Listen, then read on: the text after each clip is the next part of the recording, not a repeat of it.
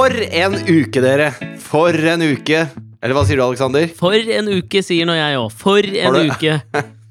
Har du en bra uke? Nei, uker, ukene i livet mitt hittil har vært både bedre og dårligere. Ja, så. Eh, nå er jo ikke jeg en fyr som liker å syte så fælt. Nei, det er du ikke kjent for. Hva heter han hovedpersonen i Die Hard? Eh, altså Bruce Willits sin karakter. Willits, faktisk. Willits. Kane. John, John Kane. ikke John McCain. Jeg vet at det ikke er McCain. Han heter jo Kane. Nei. Michael Kane? John McCain? Morgan Kane? John McClain heter han jo. John McClain er det. Ja.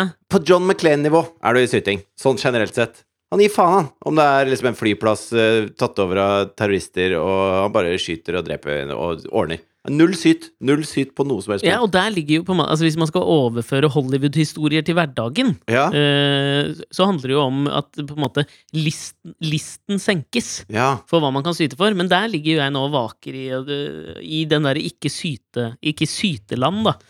Men um, det, er derfor, det er derfor jeg er litt forsinka.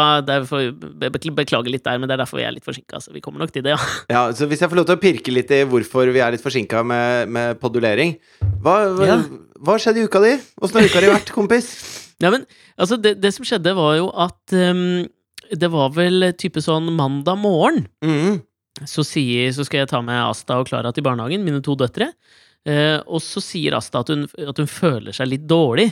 Men i linjen der, da, av, altså jeg viderefører jo dette til barna mine, dette med ikke syting. Ja, ja. Um, så se, hvis man bare føler seg litt uggen en mandag morgen, Litt pjusk. litt sånn pjusk Ja. altså det, det er ikke grunn god nok til å ikke dra i barnehagen. Så jeg, jeg føler at jeg er liksom, kanskje litt sånn unødvendig streng. Og sier at vi Ja, men barnehagen skal vi til. Og så kjenner jeg på henne og sier kanskje hun er litt varm? Tenker jeg nå i etterkant. da at liksom sånn, Kanskje hun var litt varm i panna. Ja. Og da er det jo liksom sånn, når man da får telefonen tre timer senere fra barnehagen om at uh, Asta er blitt sjuk Jeg hater, jo- jeg hater når jeg ser at barnehagen ringer. Det er det, er det verste jeg vet. ja, men det, Da, da altså, vet jeg at nei, nå er det noen dager som går i vasken. det, det er få ting som er liksom så illevarslende. Altså, hvis, det er, hvis vi skal bruke Hollywood-analogien, hvis vi skal dra den lenger, da, Ja. så er det jo på en måte alltid noen slags symboler for når ting går veståt. Ja, nå trodde jeg du Altså, nå trodde jeg du skulle sammenligne med å bli invitert på hotellrom av Harry Weinstein. For det er også noe folk hater. Og det skjønner jeg veldig, veldig godt. Det er veldig gøy hvordan det er ikke veldig gøy. Men det er å, tenke på hvordan det var å få den invitasjonen av Harvey Weinstein eh, pre-metoo-kampanjen, på en måte. Ja. Altså, det må jo ha vært like illevarslende. Men altså, at hvis vi kan revampe hele Hollywoods estetikk når det gjelder å varsle når negative ting skulle skje, mhm. så tror jeg den mer gangbare mynten i referanseverdenen for foreldre ville, istedenfor at det kommer en eller annen mørk sky, eller at en ravn eller en gribb eller noe sånt noe flyr over deg, ja. så ville det bare vært at telefonen ringte, og så står det 'Kindergarten'. Det ville vært hatt samme effekt. For det har aldri skjedd i historien av menneskeheten at barnehagen har ringt for å si 'Vet du hva, i dag er det god stemning her'. Jeg ringer bare for å si 'vi har det kjempegøy'. Nei, men det er litt sånn når det, Du vet når Bippe Stankelbein løper utover stupet, eh, og, så, og så løper han bare i løslufta, eh, og så eh, er det akkurat som når telefonen ringer, og det er barnevakten, det er da du merker at du er ikke på bakken lenger. Nei, du er i lufta. Sånn, sånn føler jeg det når barnehagen ringer. Ja, det er en klam visshet om at noe dritt skal skje, altså. Ja, Man får jo vondt i pappahjertet da, som har tvunget en unge på, i barnehagen. Hvorfor det? Altså Dattera di får ikke vondt i datterhjertet fordi hun tvinger pappa hjem fra jobben. Nei, det er for så vidt sant, det. For noen uempatiske drittsekker disse ungene er. Men hva er det feil i Rasta? Nei, altså, fast forward er jo at uh, det starter jo da som uh, vannkopper. Ja, Uh, og så har det nå utvikla seg til en jævla veit da faen, jeg. Kroppen råtner på rot. Det er noen brennkopper, og det er altså et helvete uten fuckings like. Hva er forskjellen på vannkopper og brennkopper? Men vannkopper er vel et virus? Eh, Altså, nå, kan det, nå beveger jeg meg på syltynn grunnlag her, men sånn jeg alltid har trodd og tenkt om vannkopper, så er det jo det at det, man vil ha det eh, så tidlig som mulig, fordi det er en sykdom man må gjennom. Hvis man har hatt det, så er man kvitt det. Ja, og Hvis man får det i voksen alder, så tror jeg det heter helvetesild. Og det må være verre. Ja, men jeg har jo hatt det, vet du. Jeg har hatt helvetesild i voksen eh, alder. Men søyt du? Nei, nei, Nei, ikke i det hele tatt. gæren? Jeg husker jeg fikk helvetesild på brystet, sjukmeldt i tre måneder, for det var umulig å liksom ha tøystykker av klær oppå det, for det svei sånn. Oh, ja. Og så gikk det over i en betennelse i nervebanene fra brystet og opp i huet, så det, ja, det var smertefullt. Ja. Men ynket jeg meg? Nei, det gjorde jeg da definitivt ikke. ikke. Nei da. Jeg føler at jeg har måte vært igjennom den der Ragnarok-beskrivelsen av hvordan familielivet kan være før. Og derfor prøve å dra det et skritt videre. Man, når sånne dritting skjer, og, og, og hverdagen snus litt på huet, så kanskje man merker seg noen andre sånne småting. Jeg vet ikke om du kan relatere til det, altså, men jeg har jo merka det nå. fordi altså, Asta har jo kanskje sånn De tre siste døgnene nå, så har hun kanskje sovet fem timer da, på tre døgn. Ja. Det påvirker jo søvnen også til foreldrene, og så alle blir litt sånn på på, tå hev. Det var bra du forklarte det. det var greit, det. Så det er ikke sånn at hun bare står opp, ser en sesong med Game of Thrones aleine nede, spiser litt popkorn og, og har litt helvete til? Det er faktisk ikke sånn. Skulle jeg egentlig ønske det litt, Ok. men det er ikke sånn. Men nå var det så veldig mange ting som på en måte aligna seg inn til en sånn følelse jeg fikk rundt akkurat denne, dette, dette sykdomsforløpet. Mm Nå skal jeg prøve å på en måte kommunisere det på samme måten som det opptrer. fordi at du vet, når du, Hvis du er liksom, har veldig søvnmangel, du er sliten, ungen din er sjuk, og det er et barn til der som må tas hånd om, og så går hverdagen sin vante tralt, så blir det veldig sånn Inntrykkene kommer bare som Nesten som sånne flashes her og der. Det høres ut som du beskriver deltakerne i Farmen nå. Ja, men det, er, Det er sånn de har det når de gir seg på Farmen, det er litt den der bobla. Ja. Og, og så venter du på at bobla sprekker, og dette er ikke en slags analogi til de der jævla gule boblene hun har over hele kroppen, som sprekker, og så renner det pussvæske ut. Faen, det høres ut som pesten, den greia der. Ja, det, det, er- det, det ser litt ut som svartedauden. Ja. Men altså, øh, Og så må vi jo veksle Jeg og Mari må jo på en måte nå veksle på å være litt hjemme, ikke sant? For begge må jo innom jobb. Touche jobb Ja, ja. sånn i løpet av en uke. Og så var det i, i går morges så skulle, var det min tur til å dra på jobb, og da hadde jo jeg vært hjemme med Asta en hel dag og en hel natt. Og, og det nok, altså, for henne så blir det litt sånn irrasjonelt, for hun er så dårlig og sjuk og har ikke sovet. Så når jeg skal dra, så, så blir det fryktelig fælt. Altså hun liksom roper 'pappa, ikke dra', og liksom gråter og hyler og syns det er helt forferdelig at jeg ikke skal være der. ja, for den, denne sykdommen er noe dere gjør sammen, da. Ja, det blir jo det. Du, du og henne, på en måte. Ja, og det, dette er ikke noe sånn, altså når Mari da hadde vært sammen en dag, så var det fælt at hun dro, men akkurat der og da så hadde jeg jo ikke opplevd det ennå, så det var så forferdelig den følelsen å liksom rive seg løs ja, ja. fra avkommet sitt og så bare gå for å gå på jobb, på en måte. Altså, det føltes jævla trivielt. Ja. Og så, idet jeg dro, da, så, så tenkte jeg jo på det at det, i utgangspunktet så er det noe fint. Det hadde jo vært fælt om hun liksom bare vinka ha det, pell deg ut. Det er jo egentlig noe, noe fint at man kan være en eller annen slags form for klippe i sitt barns liv, da, når det, Når det røyner når på. det røyner på. ja. Og så så jeg plutselig på siden av hånda, nå skal jeg prøve å vise det til deg her, vi sitter jo på Skype, Oi. at jeg fikk en liten sånn derre Hva er det for noe? Så unektelig ut som en liten brannkopp Ja. på hånda mi. Fordi altså, dette her må jo behandles, så vi har noe sånn skum, eh, skumaktig krem som vi fikk for å smøre på, som, som, som kjøler det ned litt og sånn. Ja.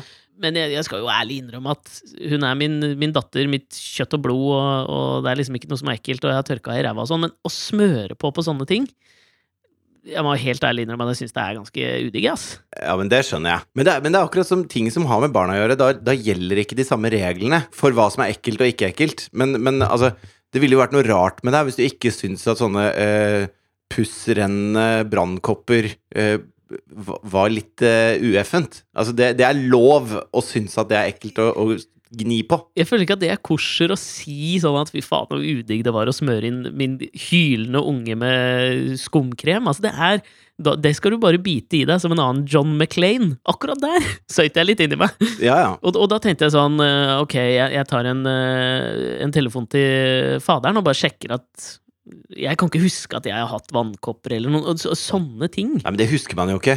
Nei. Jeg husker at jeg hadde kusma. Det husker jeg. Eh, Det er en sykdom som er Du sånn er ekstremt kusma-kompatibel! ja. Kusma er en sånn tegnefilmsykdom som hvor du får sånne store kinn, og så gjør det vondt, og så kjennes det som munnen er full av sand og sånn. Oh, ja. Eh, det, det er den eneste sånn sykdommen jeg husker at jeg hadde da jeg var liten. For det var dritpes. Det er vel nesten en sånn utdødd sykdom nå, tror jeg. Ja, du, du hører ikke om kusma lenger. Jeg kjenner ingen som har kusma. Nei, du, det, det er som svartedauden. Ja, det er, det er litt som eh, i de derre Jeg fikk sånn tegneseriehefter på, på julaften. Og da var det de der, eh, han ene som hadde podagra, blant annet. Det er også noe ingen har. Ja, men eh, Podagra, det er jo når du får en, en, en tå eller noe sånt, er det ikke det? Hvis du har drukket eh, jævla mye alko. Jeg, jeg vet ikke hva podagra er, men han i tegneserieheftet hadde i hvert fall eh, gips på, nei, eller bandasje på den ene foten og gikk med stokk, for han hadde poda, podagra. Ja, men men er ikke podagra en slags livsstilssykdom? En tidlig alkoholisert livsstilssykdom? Eller nå beveger jeg meg kanskje på syltynt grunnlag igjen. Medisin Er liksom er ikke mitt foretrukne felt. Fotens uh, portvinsnese, på en måte. Fotens skrumplever eller portvinsnese, ja. Okay, Jeg, jeg lurer på det. La oss tippe det, da. Artig at det er det de valgte i dette barnetegneserieheftet som jeg fikk hver jul, da. Det var ikke han derre kaptein Vom? da? Jeg følte at han tror var alltid var, litt Vom, sånn ja. salongberusa. Ja. Ja, jeg lurer på om det var han. Han er Hvis vi snakker om sykdomskompatibilitet, da, så er jo han kompatibel med en eller annen livsstilsrelatert sykdom. Helt klart. Helt klart. Uansett, eh, så ringer jeg til fattern og så spør jeg om det. Og, og dette er på en måte ikke for å liksom reflektere noe, noe dårlig lys over min far, for han var til, absolutt til stede i min oppvekst. Men når det kom til sånne ting, så var det moren min som hadde kontroll. Ja. Eh, så jeg ringer han og spør du, så, bare for å sjekke fatter'n. Jeg har hatt vannkopper, ikke sant? Han sleit aldri med at du ropte 'pappa, pappa' når han skulle gå på jobben. Det var ikke noe han eh, ble belemret med. Nei, det tror jeg ikke. Men, og nå, nå føler jeg at jeg liksom liksom stiller han i noe dårlig lys, og det var ikke det hele tatt, men det var en klar ansvarsfordeling Ja. akkurat på de greiene der hjemme. Ja. Og det funka som faen, det. Eh, så det er ikke Ja, nå fikk jeg litt dårlig samvittighet, Faen, nå har mye dårlig samvittighet. Nå var jeg klar og tydelig på at dette Ja, Ja. uansett. Men jeg ringer nå i hvert fall til han og så sier jeg at jeg har hatt vannkopper, ikke sant, og han var sånn Nei, det veit jeg ikke, ass. Jeg tror ikke du har hatt det, egentlig. Nei. Og da er det jo klart at nervene biter på selv den norske versjonen av John McClain, da. Jeg blir jo litt nervøs. Og så googler jeg litt og, og finner ut litt at det er jo noe du ikke vil ha i voksen alder, ikke sant? Men visstnok så skal det være sånn at når du er over 30, så er det bare 2% av befolkningen som på en måte fortsatt ikke er immune mot dette her. Ja, de to prosentene, det er deg, vet du. Det Ja, det, det er jo det jeg vet. Det, det, kunne jo vært 0,01% og jeg hadde jo visst at det var meg, på en måte. Ja. Men det har nå i hvert fall roa seg. Men det var bare oppi, oppi dette her, ikke for å dra dette ned i melankolien, på en måte, men oppi det her, så, så, så merka jeg at jeg ble litt sånn derre Man har jo øh, jeg, jeg føler Jeg har ikke snakka så mye i podkasten om uh, moren min etter at hun døde. Nei. Litt sånn bevisst også, fordi at det er liksom Faen, det er ikke så mye å si om det. Det er en sånn ting som på en måte bare er vedvarende trist, ikke sant? Skal ikke, det skal ikke bli øh, jævlig sånn jeg, jeg vil ikke levere bare trist underholdning på en solskinnsfredag. Men det var så mange ting som på en måte pekte i livet mitt mot akkurat det her nå. Nemlig dette her med å på en måte vite og kjenne til sitt eget opphav. Jeg husker da, liksom, da, da moren min døde, så var det jeg at det var liksom en av de der største fryktene jeg hadde. At det der å ikke kjenne sin egen historie helt. For nå var det ikke så mange igjen i familien min. Og jeg visste at hun hadde kontroll på vannkoppene. Ja. Som en, hvis du tar det som en metafor Mm. av min sånn Ja, hvis, hvis de begge hadde vært der, så hadde det ikke vært faren din du ringte med det spørsmålet. Nei, det hadde det absolutt ikke vært. ikke. Plutselig så ble det så innmari Det ble så innmari tydelig for meg, da. Nå igjen. Så ble det liksom dratt opp, og så ble jeg ordentlig sånn melankolsk, og så, og så friskt i minnet at Asta liksom ropte 'pappa, ikke gå'. Så fikk jeg liksom Det ble en eller annen slags form for overveldende følelsesgreie, da. Og så den ene Det ene kulturinntrykket som jeg hadde denne uken ved siden av dette her eh, Ragnarok-betennelsen, det var å gå og se Jeg var og så den Blade Runner eh, 2049. Ja, jeg har hørt mye bra om. Ja, det var rått, ass! Ja, jeg, Ikke si for mye nå, for den skal jeg se. Ikke noe spoil, ikke noe sånn, ja, ikke noe spoilers nå. At eh, Nei! det kan du bare drite i. Nei, fordi, og, det, men det, og det var jo på en måte et kapittel i seg sjøl. Jeg har jo aldri vært på 4DX-kino, og visste ikke at det var det jeg skulle på heller. Og var det det i tillegg? Ja, tydeligvis, da. Jeg hadde jo kjøpt meg en kaffekopp og var klar, for jeg visste at jeg var trøtt. Men så sa liksom Mari 'gå ut', nå trenger du liksom tre timers pause. Mm. Og jeg syns satte ekstremt pris på det, så jeg, jeg du, du dro der, da. Hadde noen noe billett, jeg visste ikke hva faen det var. Så jeg hadde kjøpt meg en kaffekopp, for jeg tenkte at jeg kommer til å sovne nå hvis jeg ikke drikker kaffe. Og så sier hun, øh, når hun skal slippe meg inn, da bare sånn 'Den øh, får du ikke lov å ta med inn'. Og så er jeg sånn 'Ja, men for faen, jeg har jo brus her òg, det må jeg få lov å ta med inn'. Så du har ikke vært på sånn 4DX-kino før, du, eller? Nei, jeg, var, jeg skal bare se den Blade Runner, den nye. For faen. Ja. Ja, sette fra den kaffekoppen. Jeg skjønte jo raskt hvorfor jeg ikke kunne gjøre det. For det er jo sånn altså dette her, jeg, nå høres jeg gammel ut. Altså, det regner på deg, og det blåser, og du blir slått i ryggen når Ryan Gosling får seg en trøkk, så kjenner du det i stolen, og det var jo helt rått. Ja, var, det, var det fett, eller ble det litt sånn mye? Nei, Jeg syns det var helt konge. Jeg var hensatt til filmen. Ja, for jeg opplever sånne, sånne triks, liksom, som, som Altså, det blir sånn derre øh, Litt sånn ha-ha, ja, se hva vi enig. kan-triks. Ja, og det var det jeg tenkte med en gang da de reklamene gikk i starten som skulle vise sånn Nå er du på 4DX, kamerat. Len deg tilbake og bare nyt denne ultimate underholdningsopplevelsen. Så tenkte jeg fuck you, dette kommer til å ødelegge. Men du hadde briller òg, da, eller? Ja, ja, briller og hele pakka. Ja, ok. Men, men filmen var såpass saktegående, og det, de overbrukte det ikke, at jeg syns det funka. Men sant, den filmen òg, i på en måte mindsettet jeg var i da, som på nivå på en måte handler om dette her med å øh, å vite hvor du kommer fra, og som handler om hvordan minner opptrer mm. ble, gjorde jo noe med hvordan jeg så på filmen sikkert også, da. Det er sikkert derfor jeg også likte den så utrolig godt, fordi at det, det, det traff liksom den nerven jeg hadde i kroppen. Det var sånn bullseye rett inn Ja. på hvordan jeg følte meg, og hva jeg satt og lurte på og tenkte på i kinosalen, så var det liksom Det handler filmen om! Så jeg grein, og jeg var jo helt Det var jo Det, det, det, var- en følelsesmessig berg-og-dal-bane, og fysisk. ja. Så det doblet jo, firedoblet jo, alle inntrykkene. Men det høres ut som eh, Altså, det det høres ut som for meg, eh, den eh, Som du snakker, en slags sånn tilhørighet, da, som mangler en, en rot. Ja, En rot som mangler. ja, ja. Det høres ut som du kanskje eh, Altså, du minner meg litt om deltakerne på Alt for Norge. kanskje vi kan bli med neste år. Alt på Kolbotn. Skal vi finne ut litt eh, Snakke med noen gamle lærere. Hadde Alexander vannkopper? Hvordan var han egentlig som barn, denne lille gutten? Og så får du sånt brev, da. Så kan du sitte på en stein på idrettsbanen på Kolbotn og grine litt når du leser det brevet om når du hadde kussmann når du var liten, og det huska du ikke engang. Og det, det kan jo bli stort. Jo, jeg er helt enig. Hvis jeg, hvis jeg skal prøve meg på en annen eh, analogi, da, så eh, liksom det det, det det bundet ut i for meg, var jo på en måte det å virkelig på en måte sette pris på de minnene eller den tilhørigheten eller det opphavet eh, alle har. Ja. Og det er ikke alle forunt å gjøre det og være seg bevisst eh, det greiene der. Ehm, og, og det var da jeg, jeg- så ferdig eh, den Taken Over-dokumentaren, som vi har toucha innom i podkasten, altså om norsk eh, hiphops eh, start og videreføring. Altså norsk hiphops liv, Ja. kan man vel si. ja, det kan man si, da. Og det, og det som Det var vanskelig for meg, følte jeg, å, å, å vurdere den på noen, som, på, på noen måte, fordi at det, det var liksom Jeg vokste opp med, øh, med det som skjedde i den dokumentaren. Det var vanskelig å ha en slags form for sånn avstand og kunne vurdere den som et sånn selvstendig produkt. Mm. Men det som jeg nå føler at er mitt sånn ankepunkt mot norsk hiphop etter å ha sett den, dreier seg nettopp om dette her. Fordi gjennomgående i den dokumentaren, og det er jo nødvendigvis med på en måte i gåstegn historiske dokumentarer, at du ser tilbake og vurderer noe som du kanskje selv eller som noen andre har gjort, og så drar du det fram til i dag, hva har skjedd, ikke sant? Mm.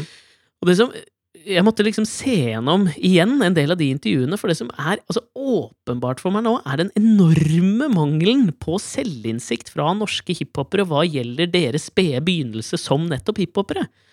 Ok, hva tenker du på Vi- da? Altså hvor gangstere de er, liksom? Kanskje ikke nødvendigvis det, for det var jo en parodi i seg sjøl, tenker Ja. jeg, i den. Men mer det her med kvaliteten på ting man gjør. Altså, jeg kan se tilbake på ting jeg har gjort før, podkaster vi har laga, kanskje i starten, for eksempel, hvor jeg kan mene at vi har kvalitativt utvikla oss. Ja. Hvis vi skulle lagd en biopic om vår podkast i dokumentarform, så ville jeg i mitt Talking Heads-intervju sagt at ja, de første episodene var kanskje ikke det vasseste, men så fant vi etter hvert, kanskje etter 100 podkaster, en eller annen slags form for rytme, hvor vi klarte å kaste alt. 100 post. Ja, kanskje Takk 100, da. Gud for at vi fant det til slutt, da, i hvert fall. Mm. Litt før det. Men du skjønner bare poenget mitt. At det, det, akkurat det elementet er fullstendig fraværende i norsk hiphop. Hvis du går tilbake og ser oppfordrer alle som ikke har sett den, til å se på den med disse øynene. Dere som har sett den, gå tilbake og se på intervjuene gjort med norske hiphopere. Hvordan de beskriver seg sjøl i starten av sin karriere. De var Mm. helt rå. De var helt fantastisk gode til å rappe fra de begynte å gjøre det. Det er ingen på en måte selvransakelse rundt sitt eget opphav som eh, hiphopartister. Nei? Og det merker jeg da ble en slags fornærmelse mot hele min opplevelse av væren. hele min ontologiske. Altså synet mitt det på er jo verden altså for, sånn det er i dag. for å komme ble norsk et svært hiphop- fuck you! for å komme norsk hiphop bitte litt grann i forsvar, da. Så, eh, så kommer jo eh, Altså, jeg har jo spilt i band lenge. Har du? Det har vi ikke prata noe om. Nei, men jeg hører jo Når jeg hører liksom demoer vi lagde på ungdomsskolen og de første gym og alt mulig sånn Altså, vi trodde jo vi var Altså, vi kunne ikke begripe hvorfor ikke vi allerede var verdens største rockeband. Ja. Eh, selv om når jeg hører på det i dag, så er det jo dritt. Men du trenger å ha den der ungdommens hybris da, når du skal kaste deg ut i noe, og når du skal Ja. mene noe, og når du skal gjøre noe. Og det må da for faen være lov for norske hiphopere også. Jo, men Når de det er, er jeg unge og dumme og gønner på, liksom. Jeg liker det. Det er den derre ungdommelige eh, Den derre fuck alle dere andre, jeg skal være best-greia. Det er noe av det som er helt magisk, Ja, syns jeg, og da. det er jeg helt enig i, og det tror jeg man må ha hvis man skal lykkes. Men problemet der er at de, de er enig med deg i halvparten av det du sa nå. Ja. De, er, e- altså, de var sånn da de var unge. Fuck you, vi er Gatas Parlament. Vi rapper på norsk, vi, fordi det er rått. Alle andre suger det der engelskgreiene. Og så kommer de, de Vinni og sier faen, det høres ut som han der eh, Per Spellmann eller hva faen, eventyrrapp når det er på norsk. Problemet, problemet mitt, ankepunktet mitt, er at når de kommer til din alder, ja. 40 pluss, Noe de alle er nå. ja, så ser de tilbake på det og mener det samme Ja. om det første produktet sitt. Ja. Og det Det bugger meg. Det er et fuck you til uh, genealogien og opphavets magiske entitet. Så ta skjerp dere! Er det jeg har lært av Brennkopper, er at norsk hiphop må skjerpe seg vedrørende sitt opphav. Ja, greit.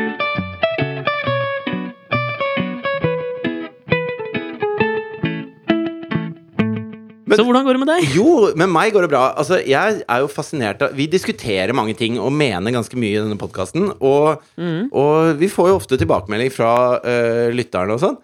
Og kanskje, kanskje det vi har fått mest tilbakemelding på noensinne Nei, Ikke kanskje. Ikke Nei, kanskje. definitivt. Det vi har fått mest tilbakemelding på, er jo eh, vår lille Vår lille vennlige prat om Siv Jensen forrige uke. Ja. Og uh, det, altså det som er viktig for meg å si sånn helt i starten For dette skal vi prate om en gang til nå. Eh, det, gleder, det har jeg gleda meg til oh, ganske lenge. Okay. Eh, fordi at det som er viktig å si, er at eh, altså, kunnskap og lærdom er noe som er i konstant utvikling, håper jeg. Mm. Og det, jeg ønsker at det skal være det for meg. Og uh, når man ser eh, Når man ser noe, f.eks. et bilde av Siv Jensen, mm. så setter man det inn i en slags eh, et, et verdensbilde man selv har, og så velger man eh, hvor mye vekt man legger på ditt eller datt i den informasjonsflyten man får inn, da. Og det er veldig mange lyttere som har påpekt i, i i mer og mindre sterke ordelag om eh, hvordan vi tok for lett på den kulturelle appropriasjonen mm. eh, Siv Jensen gjorde av indianerkultur og av folk som er undertrykt, og hvordan det er ikke sant? Og alt dette her er jeg jo enig i. Mm. Og jeg, jeg eh, Fordi at det, dette her er en veldig stor Altså, mm. jeg tror det jeg prøvde å formidle sist, da, er at eh, hva folk sier, og hvordan folk sier det, forandrer innholdet i det de sier. Sånn at et barn kan si slemme ting til deg som du ikke tar deg nær av, mm. fordi det er et barn. Ikke sant? Prøv å ha et barn som har vannkopper som du skal smøre inn med sånn skum. Da får du et par ukvemsord slengt etter deg. Ja, altså, eh, for eksempel, eh, som, eh, uten å bli for personlig og privat her, da, så i dag morges så satt jeg på eh. Når Nei, men når jeg Jeg må tisse hver morgen, mm. eh, og da står jeg opp sammen med Jonathan, mm. og så må jeg tisse, og da er han en litt sånn løs kanon på dekk, for han er veldig glad for at vi står opp. Så det at jeg står og tisser på et bad hvor han holder på da, Ja, ja. det skjer ikke, på en måte. Det er risikosport som jeg ikke har lyst til å drive med klokka ti på sju om morgenen. ja Så det, da det, sitter jeg og tisser så lenge han er på badet. jeg lærte det der eh, the hard way med Klara. Ja. Så det, jeg sto jo og pissa helt fram til jeg plutselig så et hue stikkende inn mellom Ikke beina sant? mine, og så pissa jeg min egen datter i huet. Da Sånn kan skje. Altså, og, så, og så sover jeg da i boksershorts, ikke sant? så jeg trekker ned den boksershortsen, og så sitter jeg på do og tisser, mens han står foran meg og prater og prater og prater.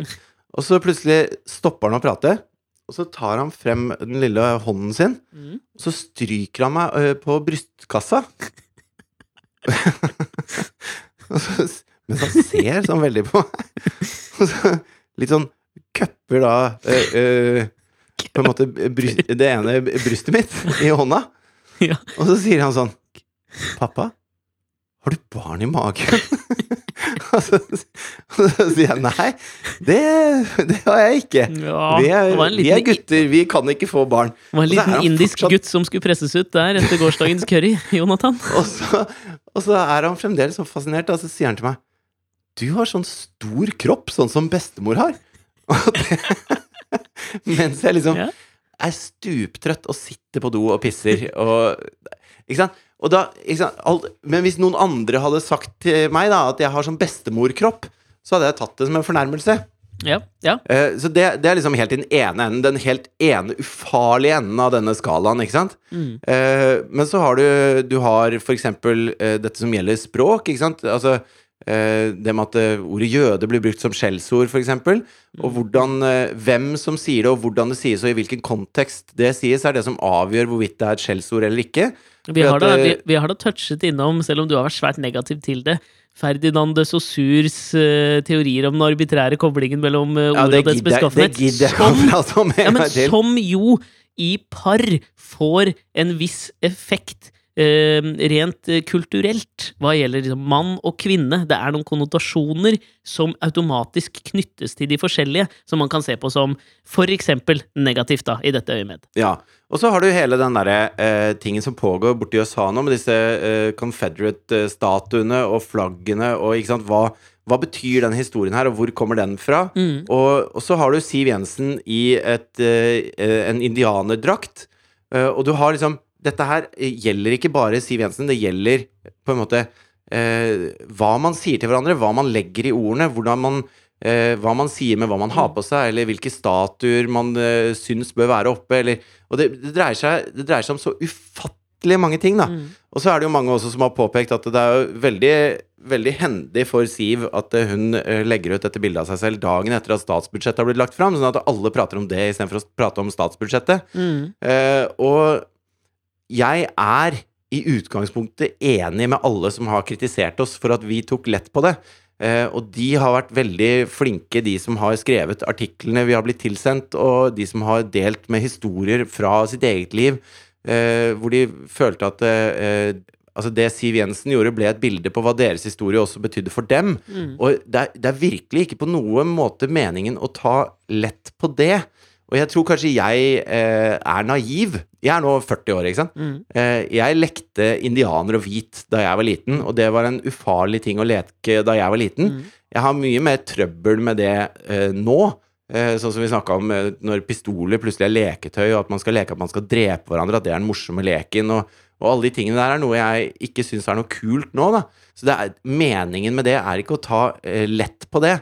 Men jeg tenkte når jeg så det bildet, så tenkte jeg at eh, fordi du er Siv Jensen, Mm. så er dette vanskelig for deg. Mm. Eh, men andre kunne sannsynligvis tatt på seg det kostymet, og så var det ingen som hadde tenkt noe mer over det, for de hadde gått ut ifra at det ikke lå noe bak det. Men det er så mange ting Siv Jensen har sagt og gjort og sier og gjør fortsatt, som gjør at den, det kostymet hun tok på seg der, får en helt annen tyngde. Eh, men så føler jeg at mye av debatten ligger på kostymet i seg selv. Sånn at jeg er ikke uenig med de som har sendt oss mail og sagt at vi tar for lett på det. Men samtidig så, så syns jeg også at det, eh, det er så jævlig mange ting vi bør være eh, i harnisk for, liksom. Mm. Mm. Når det gjelder hva vår regjering gjør, for eksempel, da. Eller hva Siv Jensen eh, mener, og hva hun gjør i praksis av handlinger i dag. Eh, så, så i mine øyne så er det viktigere å ta tak i det enn å ta tak i hva hun har på seg. Eh, men, men det er kanskje fordi jeg har vokst opp sånn jeg har vokst opp. Og meningen med det er jo ikke å tråkke på alle de andre. Ja, jeg, jeg, jeg er jo helt enig med deg, og vi skal jo passe på at dette her ikke blir en føljetong. Men det virka jo på våre lyttere tydelig som om dette var noe som opptok dem, så da er det vel kanskje greit å ta en liten sånn runde på det til. For Ja. vi var kanskje litt lemfeldige i måten vi prata om det forrige gang, og ikke tydelige nok, og det er, det er, det er greit. Men jeg tror det liksom Litt av poenget ditt her òg er jo at um, i sosial omgang i, va I et samfunn så kommer man til å bli støtt, såra, provosert Ja. og andre ting. Ja. Og det er det ikke noe galt i. Altså, I utgangspunktet så er det ikke noe galt i det. Nei, det er hvordan man takler det som er viktig. Ja, det tror jeg også. Og, og så er det viktig at man ikke setter likhetstegn mellom det å bli støtt eller det å bli såra eller provosert, og det å krenke menneskeverdet eller menneskerettighetene til noen. Og det er det, det, er det hoppet der som jeg syns mange gjør, hvor jeg ikke følger tanke, tankegangen. Og så kobler man jo det med, og dette har det vært mye skriverier om uh, rundt akkurat denne her, men den litt skumle, uh, vanntette identitetspolitikken som hvis du parer disse to tingene her, så blir det veldig vanskelig å kommunisere framover. Fordi du må Og det begrenser ytringsfriheten på en måte jeg, i hvert fall, er bekymra for. Og det ser vi. Det blir mer og mer av, um, av den derre av, de, av, den grupperingen som, som, gjør at når du ser Siv Jensen med kostyme, så reagerer du enda hardere fordi din identitet ikke matcher opp mot det hun står for, og da klarer man ikke å skille kostyme og person, da, for å si det sånn. Nei, altså, har det også noe med uh, Altså, jeg, jeg syns jo at øh, Nå skal jeg hoppe til en helt annen ting, men i Spania under Franco så var jo det Det var jo et sant helvete for de aller, aller fleste i Spania, unntatt en liten elite som var rundt uh, general Franco. Mm. og så, når han da ble styrtet, så hadde de en slags sånn derre nå setter vi bare en Vi setter en knallhard strek over alt som skjedde under Franco. Mm. Så begynner vi herfra og, og, og kjøre på videre. Og dette skulle man jo egentlig bearbeidet, og man skulle hatt erstatninger sånn og sånn, og, og gjort masse ting. Men jeg tror det de så, var at dette er så stort og altomfattende at hvis vi skal begynne å gjøre opp for alt den, den jævelen gjorde, så, så, kommer vi ikke i mål som nasjon. Da kommer vi ikke videre som nasjon. Mm. Og så kan man jo diskutere hvor bra det har gått, da, nå når Catalonia har lyst til å rive seg løs, og de var jo noen av de som ble behandla verst under Franco. Mm. Men jeg syns at den, den, tanken de har der, da, om at vi må framover som et samfunn, den syns jeg er beundringsverdig, og det er det eh, nesten bare Spania som noensinne har gjort. Eh, på en så klar og tydelig måte, hvor alle er enige om at eh, vet du hva, dette var et helvete, men nå setter vi strek.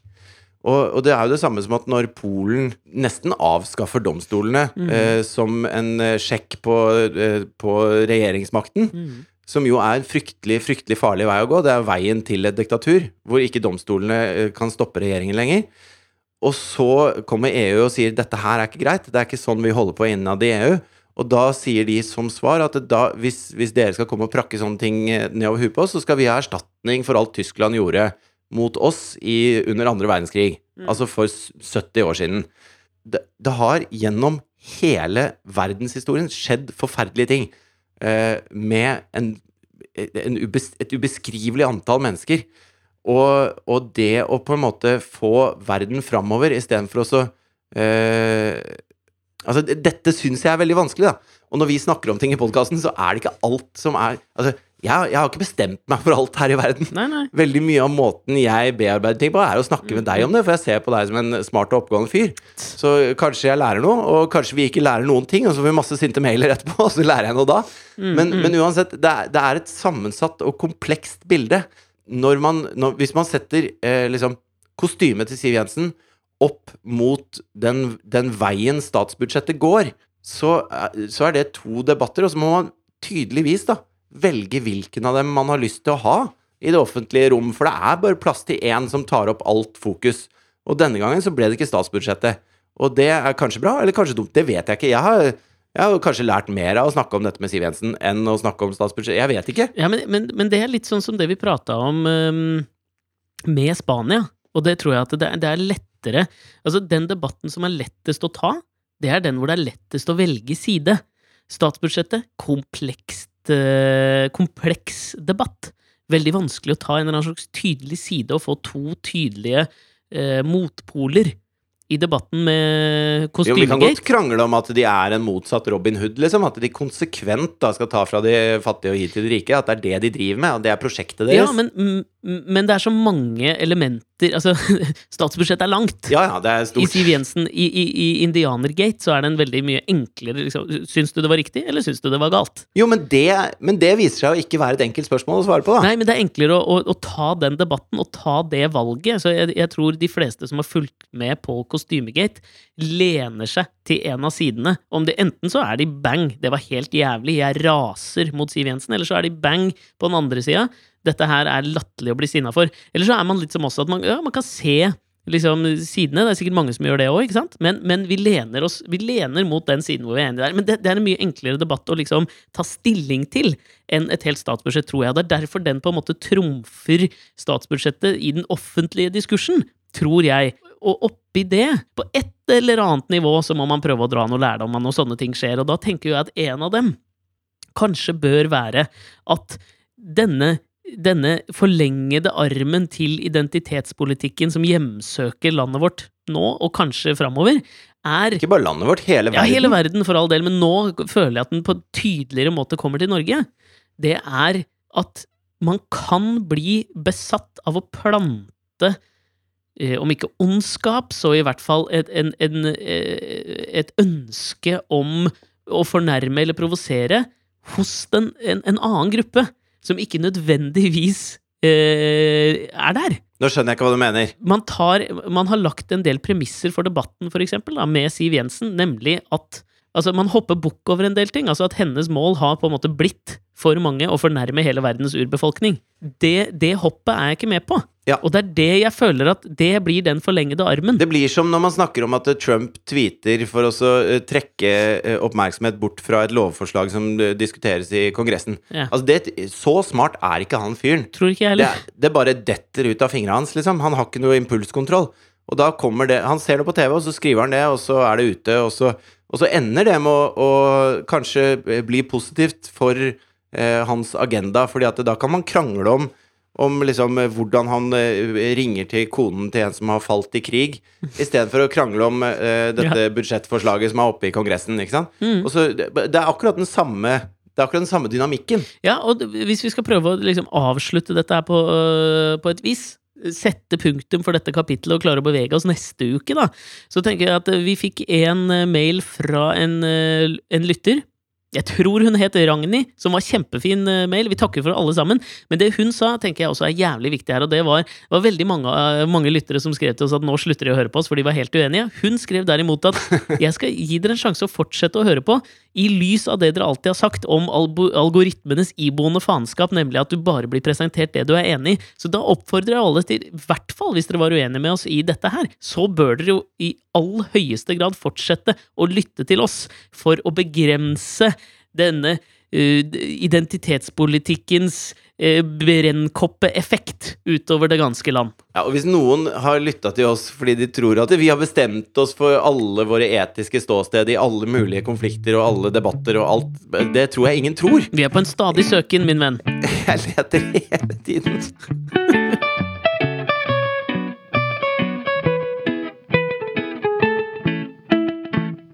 Hvis jeg skal ta litt sånn eh, eh, lett vri sånn mot slutten på hele dette med eh, hvem som er avsender av noe, og hva det gjør med hvordan man oppfatter det eh, Kanskje det er en slags identitetspolitikk i det også, så så jeg traileren til den derre Den tolvte mann. Ja. Har du sett, eh, Harald Svart-filmen hvor eh, fingeren spiller hovedrollen. Fingeren spiller den tolvte mann. Han er den tolvte finger, da, på en måte. Eh, og så Hva skjedde med den? Ingen vet. De første elleve fingrene ble jo tatt. Mm. Eh, og så, var det, så skulle det da være en tolvte mann Ja. et eller annet sted, og det er da fingeren. Mm. Eh, så ser jo filmen kjempebra ut. Mm. Og den ser vellaget og drittspennende ut. Og Mm.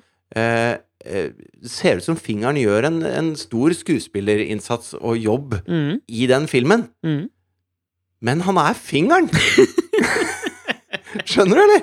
Sånn det, når han eh, har liksom bada i isvann, og det er frost i skjegget, og han har det jævlig og har blitt banka opp, og det er helt forferdelig, og så ser han i nesten i kamera, og så gjør sånn Åh, i smerte, så er det fingeren som later som, liksom. Soundtracket under er liksom kaninkoker, hvor fingeren står og dytter henda i været på Sentrum Scene en gang i året. Og det, og det er liksom trist, Fordi at jeg har ikke lyst til at den eh, Kanskje han er verdens beste skuespiller, Ja. men hvis det skal bli troverdig, så, så, så sliter jeg litt med at det er fingeren. Ja, Er det sånn at du tenker at de kostymene der er sikkert sydd av Jenny Skavlan av gamle Fretex-frakker? Ja, det, og noen har gjort sy om på et par ting han har på seg der. Det det er mulig, altså. Det er jo samme, samme greia. Det er en identitet som jeg har på fingeren, som er vanskelig forenlig med at han er en slags soldat i andre verdenskrig som er som, som tåler alt av smerte. Du kommer til å sitte og se til rulleteksten kommer for å se om det er Live Cube som har lydlagt hele filmen. Ja, jeg vet ikke, jeg vet ikke om det greiene funker for meg, ass. Det, jeg... Ja, men Da foreslår jeg at vi to går og ser den sammen. Helst på 4D X-kino, fordi nå har jeg liksom gått dit. Og da føler jeg at jeg ikke kan gå tilbake til vanlig kino igjen. Det, for, vi skal jo gi fingeren the benefit of the doubt her. Og hvis dere har lyst til å høre mer om fingeren, så kan dere jo lete dere tilbake i vårt podkastarkiv, for han har da vitterlig vært gjest hos oss. Ja, ja. Har han ikke det? Og dette er jo ikke ment som kritikk mot fingeren.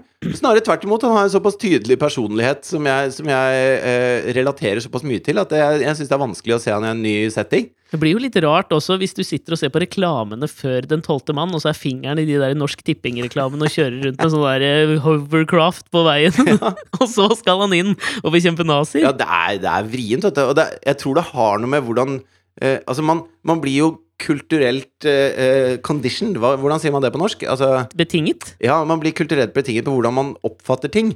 Og eh, det er sånn som denne fantastiske bloggeren Tjomli skrev på bloggen sin en gang.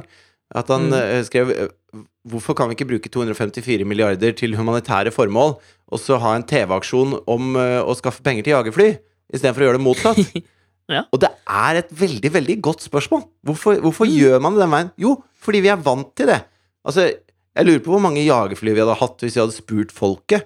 Altså, nå trenger vi fire nye jagerfly. Eh, Målet i dag er 260 milliarder kroner. Gun på, folkens! Altså, det, eh, det hadde ikke blitt noe jagerfly i Norge da, vet du. Nei, og da, men da hadde jo heller ikke fingeren eh, spilt den tolvte mann, antar jeg. Så noen freebies får vi i dette litt forkvakla samfunnet, gjør vi ikke det? Det gjør vi, helt klart. Jeg er jo ikke en fyr til å syte, jeg er jo glasset er halvfullt John McClain i Norge.